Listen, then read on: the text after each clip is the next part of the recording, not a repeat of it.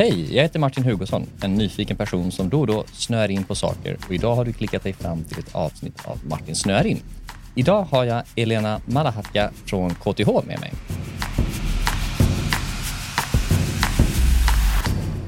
So, welcome, Elena. Thank you so much for inviting. So glad to have you here. I thought that we'd first dig into you. And from what I've learned, you've actually gone to postgraduate schools for 13 years.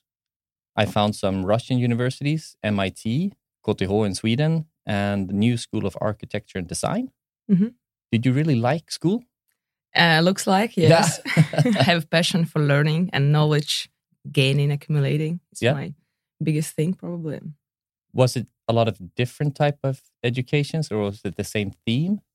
In general, all my journeys they somehow leads to serving human and design services for them. That's why different schools, but quite the same goal. But I was really interested in the um, in the space of neuroscience and architecture, and then you said it's just how housing impacts our brains. Not only housing in general, I think there is a discipline called uh, visual perception. Uh, how do we see world around us?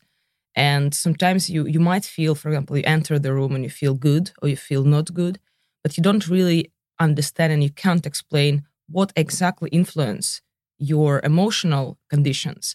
And the school they provide you with a course uh, where you really can understand uh, the combination between architecture, how we design spaces, and how this might affect us in different ways. For example, how can we evaluate aesthetic of the place? What happening with our brain when we see things?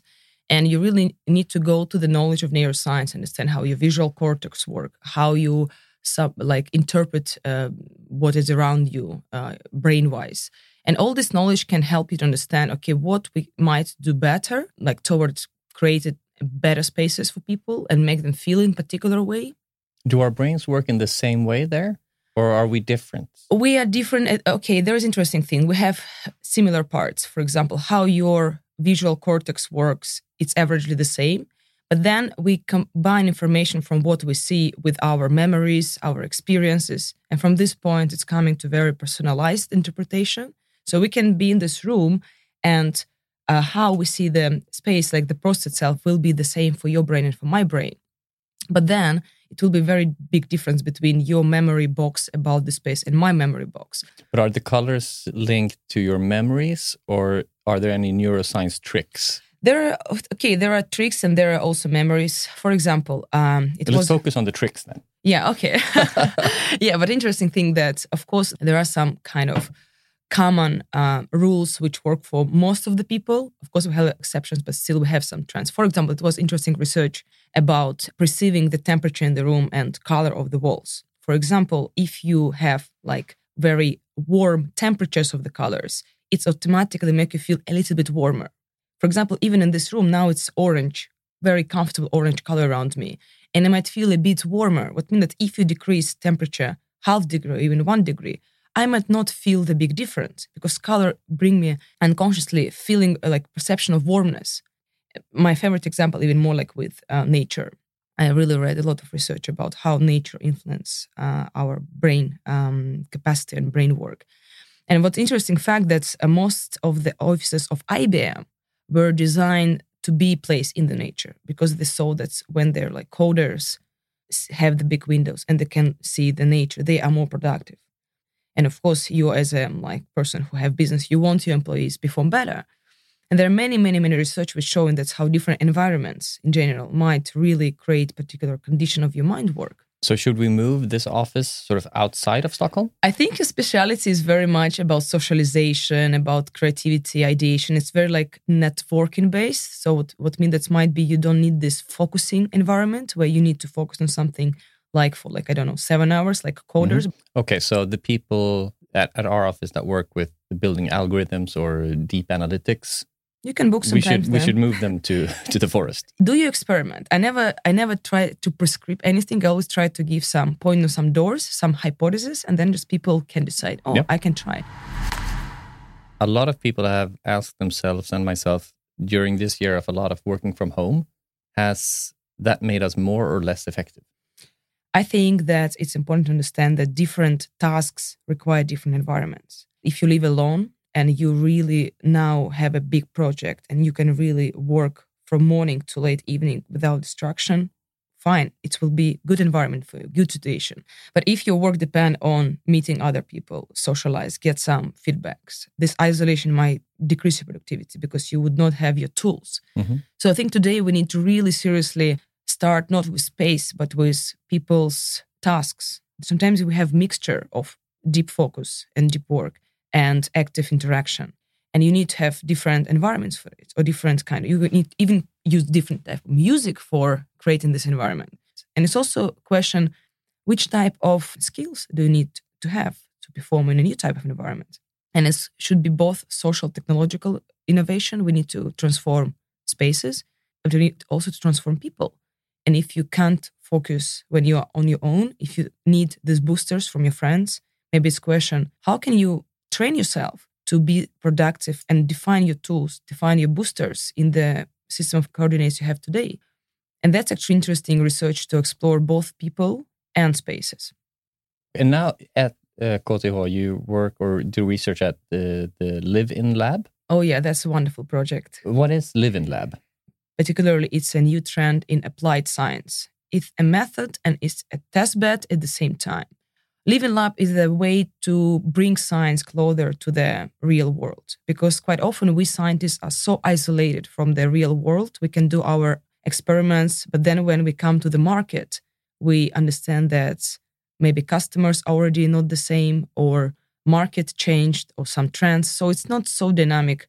And uh, many years ago, it was a trend, started the trend to bring science more to the real environments.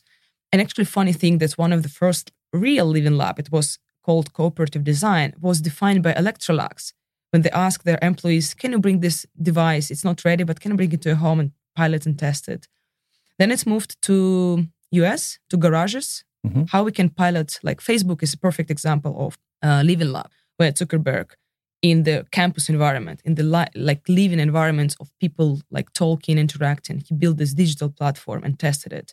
But this living Lab, can you live there? Yes, uh, interesting thing that it's actually normal building in the campus for students, mm-hmm. like dorm.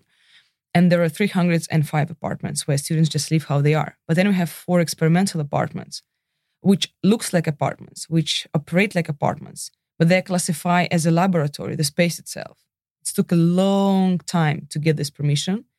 And what uh, type of experiments do you do on these four students? Uh, I have several projects. First of all, Living Lab is a big team of people, mm-hmm. a lot of research projects from heat pumps to philosophy and ethics in about behavioral change. So it's a really big portfolio of different topics. My particular task is trying to research data and understand how this data might be transformed to the digital services. For example, now I have this ring on my finger. Many people know it's Oura Ring. It's a wearable device which can gather quite a lot of biometrical data, uh, physiological data. How do I sleep? How do I move? And all this knowledge might be used to make our buildings understand how do I feel. And what if we have the future where our building understand if you didn't sleep well, maybe we need to change temperature, air quality, and so on, or lighting. And that's what I really want to build as a services, how we can make all our devices and all our data serve to end users. And also, for example, I gave you one example about well-being as a service, how we can make our homes be our, let's call it doctors, our psychologists, our like support system, environment-wise. Do these four students that are sort of in your social, uh, do you say petri dish in English? Mm. Are they aware of the experiments? Yes, of course. In my case, I'm doing scientific track about co-creating things, and in this particular design-oriented research we need to be open and we need to collaborate with them, involve them into the process of creation of value proposition. In my case, it's very close relationship with uh, students and working together. Uh, as far as uh, we are academia, we need to follow ethical approvals, and um, that's extremely important for us not to create this trend of surveillance and just controlling. We try to make people feel comfortable and we want to invite people to transparent process if they want to know which data they can get access to it, if they want to know which type of results, which type of outcomes they can get to this. And that's why for me, this is very important for European landscape because we have Google, Facebook, all these things, and all these discussions, uh, societal discussions about what is the future where everything is so open. Like we are completely under not control, but at least under observation. And that's why we want to create this track of uh, ethical design, where what we design, what we try to develop is extremely ethically aligned. And that's what I see might become very strong European value because you can't do it in China, you can't really do it in America, ethical design like in a core. And that's actually why a lot of like Googlers, they today really start to uh, disagree a lot with their their corporate general line about ethics because ethics is kind of disappearing more and more with the um, capitalization of data. And that's why I think it's really important here in Europe to define it as a very strong trend and strong value, because in the end of the day, you need to ask a question in which society do you want to live? Only which is oriented to capitalization of the value, which is today's reality, or society and future where creators really care about your uh, security, your feeling, your perception of environments, and where you become you build relationship and interactions with your clients, your companies, rather than just contract based uh, exchange. Do you think that the Swedish population are aware that the data they sort of give companies have a value? Talking about Swedish, there are more knowledge than any countries uh, in Europe. At least more people are curious here. I notice people really like to understand, but still, if you're not like data scientist, you can't understand what is metadata, what is contextual data, how much actually you share without understanding it. And it's not because you is not researching enough. It's designed in the way that you kind of never find it. And that's why I think it's us designers of the content, uh, designers of the services, we need to try to change a bit our minds and build a balance between business and responsibility in front of society. And that's kind of why, yes, people are aware, but still there are a lot of spaces which are blind for them and they are blind by design. Is there a potential for companies to be more transparent in how they use data? Would that be a value for their clients? I th- think until we have this dilemma about business or ethics, we might be in trouble because it's or you do money or you do good. Let's call it in yeah. this tough way, but it's partly true.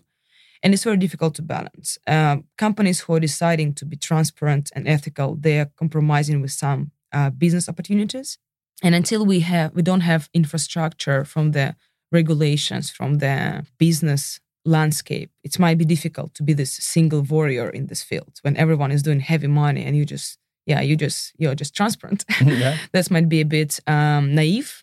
Uh, that's why actually we started the conversation with. I said that I'm part of one quite high level roundtable in European Commission where we discuss what should we do to help our businesses, particularly in Europe, to grow without um, with a strong values like transparency, ethics, and be profitable.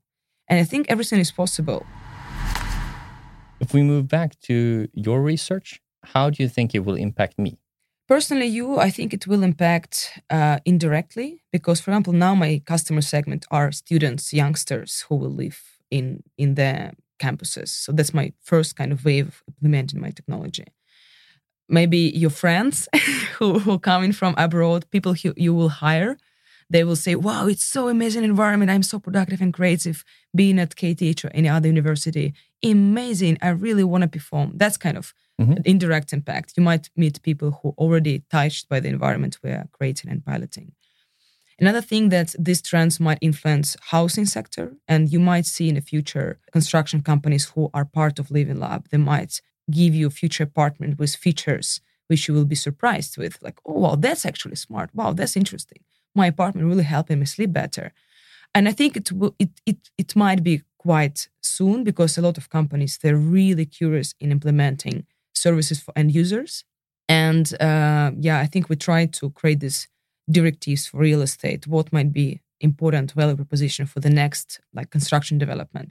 Another thing, how I can impact you within few years, I plan to build some pilots about remote uh, living working environment with several companies it probably will be my postdoc and you might be one of the person who can easily escape city for weekend or for week to work from the nature and have a wonderfully designed um, space for you live and work or for your stay and work.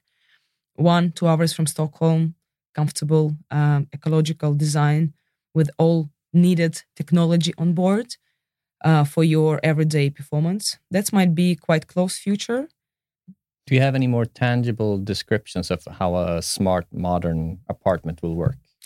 Again, uh, it will have a lot of customization from the point of who you are. And depending on who you are, it will adjust because some people need more tech solutions like even faster internet, I don't know, holograms, fast streaming, a very big screen for your conference or projecting for your conference meetings. That will be your service proposition it might be that you're a nomad and you need just meditate and you need just off regime of any devices and very very minimalistic approach to electrical consumption and all this kind of um, related infrastructures. And then you will have way more wellness oriented environments. So we'll play more with lightning and with sound and with uh, qualities of materials. So it means that it will depend on who you are and that's what to make this diversity of opportunities for you for living, that's what we try to bring. Because today's average apartment is quite the same, plus minus little changes. We want to increase this corridor of features in our future apartments. Of course, we can't come to customization as, for example, iPhone have because it's digital. It's easier to adjust you because it's just code in the end of the day. With the physical space, there are some limitations. At the same time, if you observe your everyday experience, building today is just canvas for different features for music, for light, for media uh, landscapes, like for screens, for maybe projectings. And that's that's layer, I would call it like layeral structure. This layer, which is extremely agile, if you want, extremely flexible. You can change it, you can improve it. And that's what we want to work the most. We would not probably transform building itself, but the layer which might be cyber physical, which might be ad- adjusted, that's what we want to enhance a lot. Uh, I once read that when central heating was created, mm-hmm. we became more individualistic because we didn't have to be in the same room where the fire was. And then mm-hmm. when the TV came, we became more social because we gathered around the TV. And now when we have uh, iPads or, or smartphones, we don't have to be in the same room anymore. Do you see any movements within sort of a future home or future buildings where we cooperate more or less? Partly, we really want to socialize more and we are social animals by nature and we want to explore socialization maybe in new ways. That's why we are spending so much time in chats and in um, different activities in the digital landscape. And i think with time we would like to find a new way how we can interact uh, with each other on the physical level and in another quality. And i think that's distant with covid gave to us gave us a lot of reflection on why do we interact what is the most important part of interaction? With whom do you want to interact? How often? And that's that should come to us first all these questions. And then we can create the way how we can interact. Maybe interact less with a high quality. Okay. For example you organized conferences and now we see this kind of boutique conferences happening more. And i think it's really interesting to see that people like it more and more. Instead of like 1000 people where it's chaos of interactions and you really don't always understand what's going on now come to this 50 people when you can talk with almost everyone and have deeper discussions and deeper meaning of conversation. And that's what people start to really understand. Okay maybe this interaction should be kind of curated organized in a new way. That's what i believe more. I believe that we will interact less but deeper and with the more meaning and with the more quality and maybe not 20 people dinner, but maybe only four, but then you actually learn a lot about each other. That's what I see kind of what might happen. And technology wise, I don't think that we be disconnected more by space. Uh, we might have some solutions where you can have both. Do you want to be isolated or do you want to be together? And you gave really good line of decreasing uh, socialization factor in the spaces by technology. But today's designers, they already understand this trend that people get lonely, people feel like disconnected, and they start to design uh, spaces publicly and privately to make you see other people more often, the world we designed like last 50 years brought us to isolation, which people do not fully enjoy. And that's why this uh, new trends on co-living, co-working, I think it should be iterative because I still I think we can improve it a lot. The next big thing for me is how we can design space or product or service which connect with other people in a new way. And uh, one my good friend from SAP, head of design, Martin Wezowski, he said like the next top of the pyramid is relationship oriented technology, building trustful, reliable network of people in your life. What might enable it? Can space enable it? Can your app enable it? Even the project which I talk about about remote work and living, we don't plan single capsule for one person. We still talk about living clusters where you still might be alone, but you know that five minutes walk, you have other people who are like you, have the same lifestyle, or maybe a bit different, and then you can interact. And that's what I like in this time. It's time of being extremely dual, but giving people both. You want isolation, please. You want socialization here. And that's what I think as designers we need to keep in mind that today's people, 21st century human, needs more than one choice. How does that impact uh, marketers or how does that impact communication? Should you appeal to both these sides or should you go for one of them? I think, yes, people might have these waves of, ah, I want to be social and waves of, ah, I want to be unsocial. This on off, like in our phones, on off. And if you don't design it, you like losing a market part because people today, they want both. A lot of experts already conclude that we need to design this kind of function of adding and like more and less where people can decide how much of this particular option you won't have like with your sound on your phone you like it because you can control it you can control the amount of it in your life and i think people in general like when they can control the station or like a feature and then when they feel yes i decided that i want to have less communication or like i decided i want to have more and giving this power to people is something what a lot of big media companies are doing, like with, again, let's take again Apple, where they can really give a feature of completely have only one hour of using your phone or maybe have completely off regime. But still, the fact that they think about that you might want to have less pop ups, less notifications, less colors, and less interactivity, that's, that's important to keep in mind. And should the companies that are not necessarily within tech but if they're sort of with interior design, if it's furniture or flowers, how will this future impact them? Uh, one project I really like from MIT Media Lab about this uh, room transformer. When even this space, I mean, somehow we're moving to the dynamic of everything. And digital world gave us a lot of skills about that. So yeah, actually everything could be dynamic. But then like even physical world, like this transformer project where you can transform your room from bedroom to kitchen to office, the same room, but then just furniture becoming more flexible, more transformative, robotized even. Again, it might sound a bit weird and scared and the people who are in design they we always have a little fight with them because they don't want to accept that static is becoming more dynamic because if you talk with architect they want to build for centuries. If you talk with software development they want to build for weeks even days sometimes and then change and then change. And that's that's why we become this a bit bipolar by today's reality that we have two very conflicting worlds. And that's why like i think we need to come to some kind of merging mode or at least explore it. What if we have the physical world which might start to be a bit more dynamic? And what if we have the digital world is becoming a bit more static that's what i observe now a lot that these two worlds transforming and coexisting and learning from each other we had a question from a previous guest how will 5G impact our future? What does that do for our, our buildings or houses or society? When I talk about 5G, I always a bit critical about why we focus on 5G rather than focus of what might we need in the future. Because when I even speak with my Ericsson friends, 5G is just technology, it's like a train. But where this train is going, that we need to decide. Just having a train is not enough. It can bring a lot of improvement from the point of streaming and media delivery and distribution to our world. What I want to see more, I want to see what do we actually need? Deeper human questions. And can 5G help us to answer these questions? Can 5G connect people in a better quality? If yes, let's do it. If no, let's see, okay, what else can serve this goal?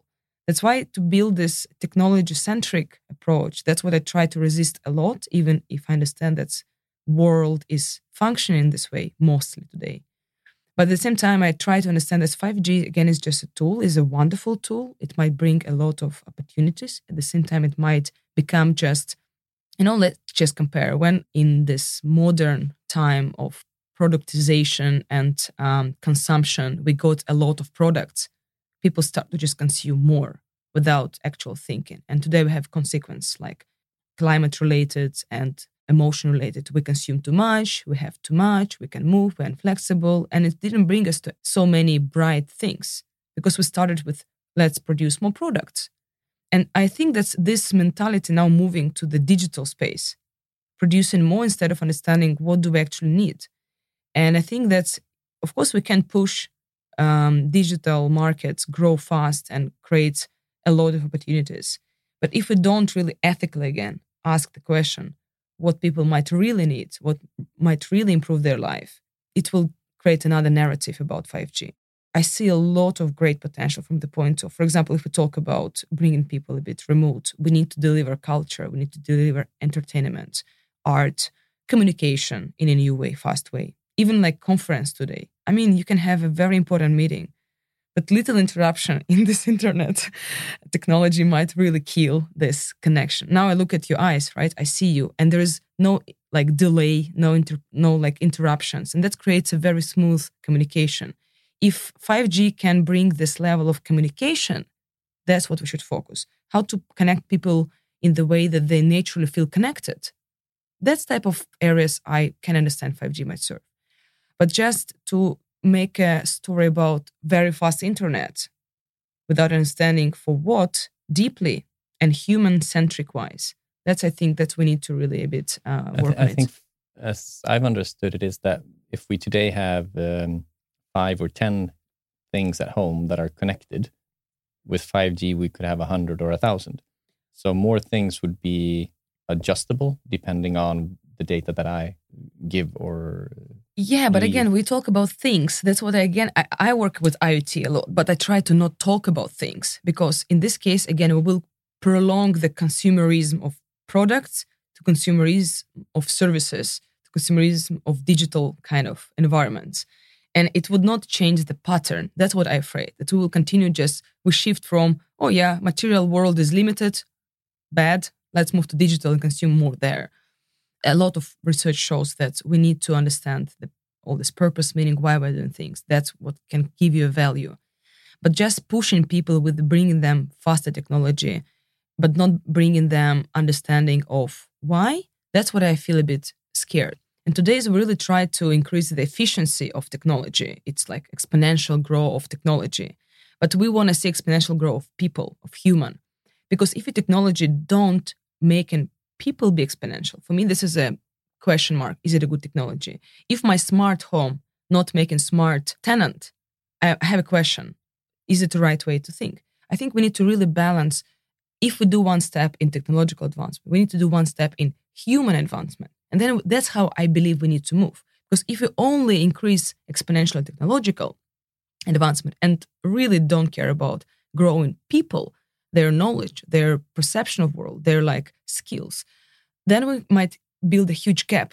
And that's where people might feel extremely lost in this uh, landscape, unsecure, unsafe, dominant by technology. And I don't think this future sounds like a wonderful thing. First, define this like landscape of really needed things. Try to understand for whom, because different categories of people might have different needs. Uh, of course, we need to start with critically needed things like, for example, health, elderly houses, uh, older generation, which is growing a lot in Europe. How we can use technology to assist in their life. How we can bring technology which help them to live longer, live healthier, live safer. And I think technology start to with these questions: how to bring what people need the most today, and then to increase this portfolio with other layers. How people can make be more social, more educated, more like explorative, creative, especially a space of creativity is, is huge for technology, which we can do. at home, like uh, painting, drawing, like all this. My HoloLens have a like nice app called Sketcher where you can just learn how to paint from Mhm. scratch. Or like um, from Teachbot from uh, HCY when you can just paint and create 3D sculptures. There's so many potential for improving you as a human. That's what I think we need to focus the most. But then just connect everything. I, I'm very, very careful about this push 5G or 6G, even like today, uh, society discuss 6G. I don't feel that it's kind of creating the same uh, with a car. I just spoke with researcher about car industry. We designed way big car than we need because it was dis- discussed from the point of um, safety because you have higher speed and you have bigger mass. But today's reality, we have way bigger car than we need because average distance for um, in Stockholm, people who own car is 25 kilometers. You don't have the speeds. You don't need the size of the car. And what, that's what creates this question why we create more than we need. And that's where I want to start with a little bit, even like you have this box, more than a monitor. Mhm. Everything is a bit more. Yeah. How we can make a bit less. And that's what I think lesson for me of today's reality, how we can cr- bring this minimalism into design, into development, into mindset of creators. How we can create not more, maybe not less, but lagom, exactly what you need. Yeah. Precisely. That's but I what guess that's back to what you talked about in the beginning that it's about a duopoly that sometimes you need less and once a week you need a big car to go to go Yeah. skiing with the kids Yeah, exactly. But only have this car for all. That's that's again this unflexibility which Yeah. we uh, have today. How to create this diversity of sizes of uh, uh, landscapes of whatever like capacities, and then just create it, make it adjustable, and make it use when you need. if we try to uh, summarize what we've talked about i think that you've been saying that uh, regardless of marketing or or buildings you need to start with the basic human needs and explore them and you need to prepare for flexibility sort of focus and relax alone and together Yes. and see how that works for your communication or for your office or for your your next apartment did i miss anything or is that Yeah, I think the the core, the, as I said in the beginning, what I'm trying to study, I'm trying to study, and understand, like who are we as human, how we function, how we evolve, change, evolve, and what all what we discuss, spaces, media, daily activities, all this is something what is needed to be researched. And yeah, from the point of summary, yeah, I think it's good, human centric approach. My next guest says that within five years, all media will be social media. Based on what I guess his hopes. Okay. That's kind of my observation that yes, soci- socialization is growing, intensity is growing, the need to communicate is growing. At the same with this is growing a heavy need for this deep insight practices. And if you see the trend of meditation, even then other practices, alternative practices where you are connected with yourself and with nature, that show me that these trends are going simultaneously. Let's focus and relax.